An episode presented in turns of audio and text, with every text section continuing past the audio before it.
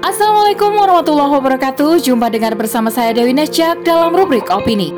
Kali ini dengan judul Kelompok separatis Papua terus berulah, tanda negara lemah oleh Diani Akorip. Separatisme adalah suatu paham atau gerakan yang mengacu pada suatu golongan yang ingin memisahkan diri dari suatu negara. Dalam arti, ingin memerdekakan diri dari negara asal dan mendirikan negara sendiri. Selengkapnya, tetap di podcast Narasi Pos Media. Narasi Pos, cerdas dalam literasi media, bijak menangkap peristiwa kunci. Aksi teror yang dilancarkan kelompok separatis Papua seakan tak berkesudahan. Hampir setiap tahun, selalu ada korban jiwa baik sipil maupun militer. Sarana-sarana umum seperti sekolah dan puskesmas pun tak luput dari aksi keji mereka. Bahkan, mereka tak segan-segan membakar rumah-rumah penduduk yang tak berdosa. Segala cara mereka lakukan untuk mencapai tujuan, yaitu memerdekakan diri dari Negara Kesatuan Republik Indonesia atau NKRI.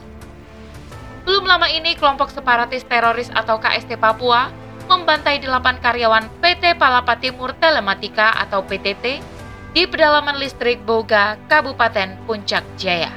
Mereka yang sedang bertugas memperbaiki tower untuk sistem telekomunikasi di langit Papua tersebut justru dibunuh oleh KST pada Rabu dini hari.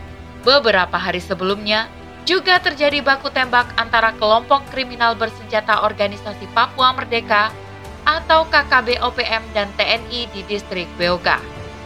KKB OPM menyerang prajurit di pos Koramil Dambet Satgas Kodim Yonif R408 garis miring SBH distrik Boga.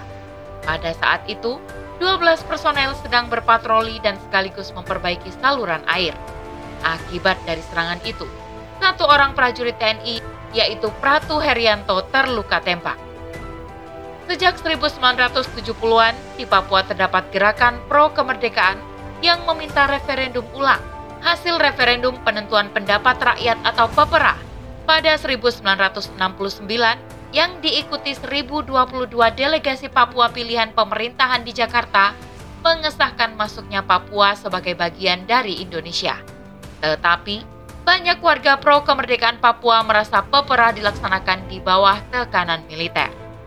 Menurut peneliti Lembaga Ilmu Pengetahuan Indonesia atau LIPI, Rosita Dewi, pada tahun 2020 menyatakan bahwa akar permasalahan Papua meliputi empat faktor – Peminggiran diskriminasi termasuk minimnya pengakuan atas kontribusi dan jasa Papua bagi Indonesia, tidak optimalnya pembangunan infrastruktur sosial di Papua khususnya pendidikan, kesehatan, pemberdayaan ekonomi rakyat, dan rendahnya keterlibatan pelaku ekonomi asli Papua. Proses integrasi politik yang belum tertangani bahkan meluas, hingga pelanggaran HAM yang belum diselesaikan.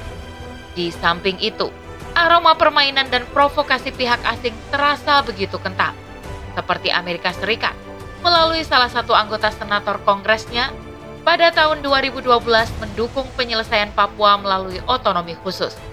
Pada tahun yang sama, Amerika Serikat mengirimkan sekitar 12.000 marinir ke Darwin, Australia dengan alasan mengimbangi Cina di perairan Asia Pasifik. Begitu juga dengan Inggris yang membuka kantor perwakilan parlemen OPM di London pada bulan Mei 2013. Provokasi pihak asing tidak berhenti di situ.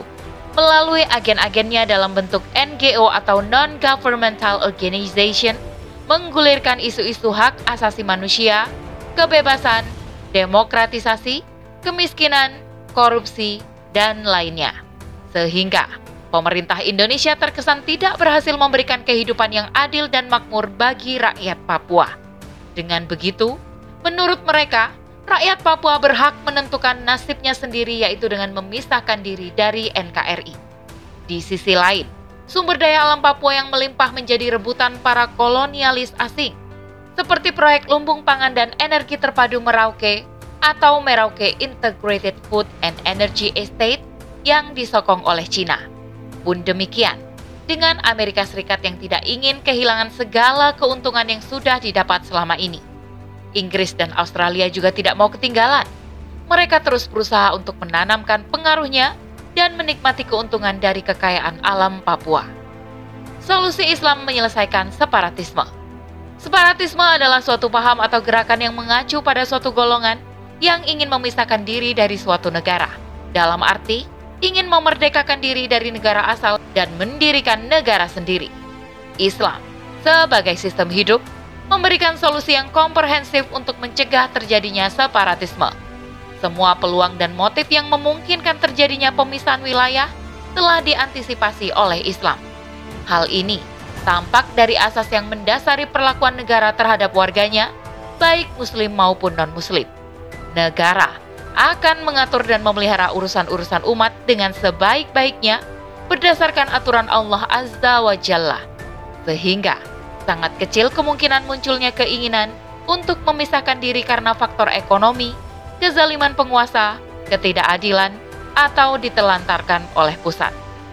Negara juga wajib menjamin kebutuhan pokok tiap individu rakyat dan memenuhi kebutuhan kolektif rakyat seperti kesehatan, pendidikan, dan keamanan. Semua dilakukan merata, tanpa membedakan rakyat tersebut di pusat atau daerah, kekayaan alam wilayahnya sedikit atau banyak, baik muslim maupun non-muslim. Selain itu, negara juga mencegah intervensi asing, karena Islam mengharamkan segala bentuk intervensi asing terhadap negeri-negeri muslim. Sebab, intervensi asing bertujuan untuk menguasai negeri-negeri Islam dan memecah belah kesatuan kaum muslim. Wallahu a'lam bisawab. Demikian rubrik opini kali ini. Sampai bertemu di rubrik opini selanjutnya. Saya Dewi Nasyak undur diri. Assalamualaikum warahmatullahi wabarakatuh.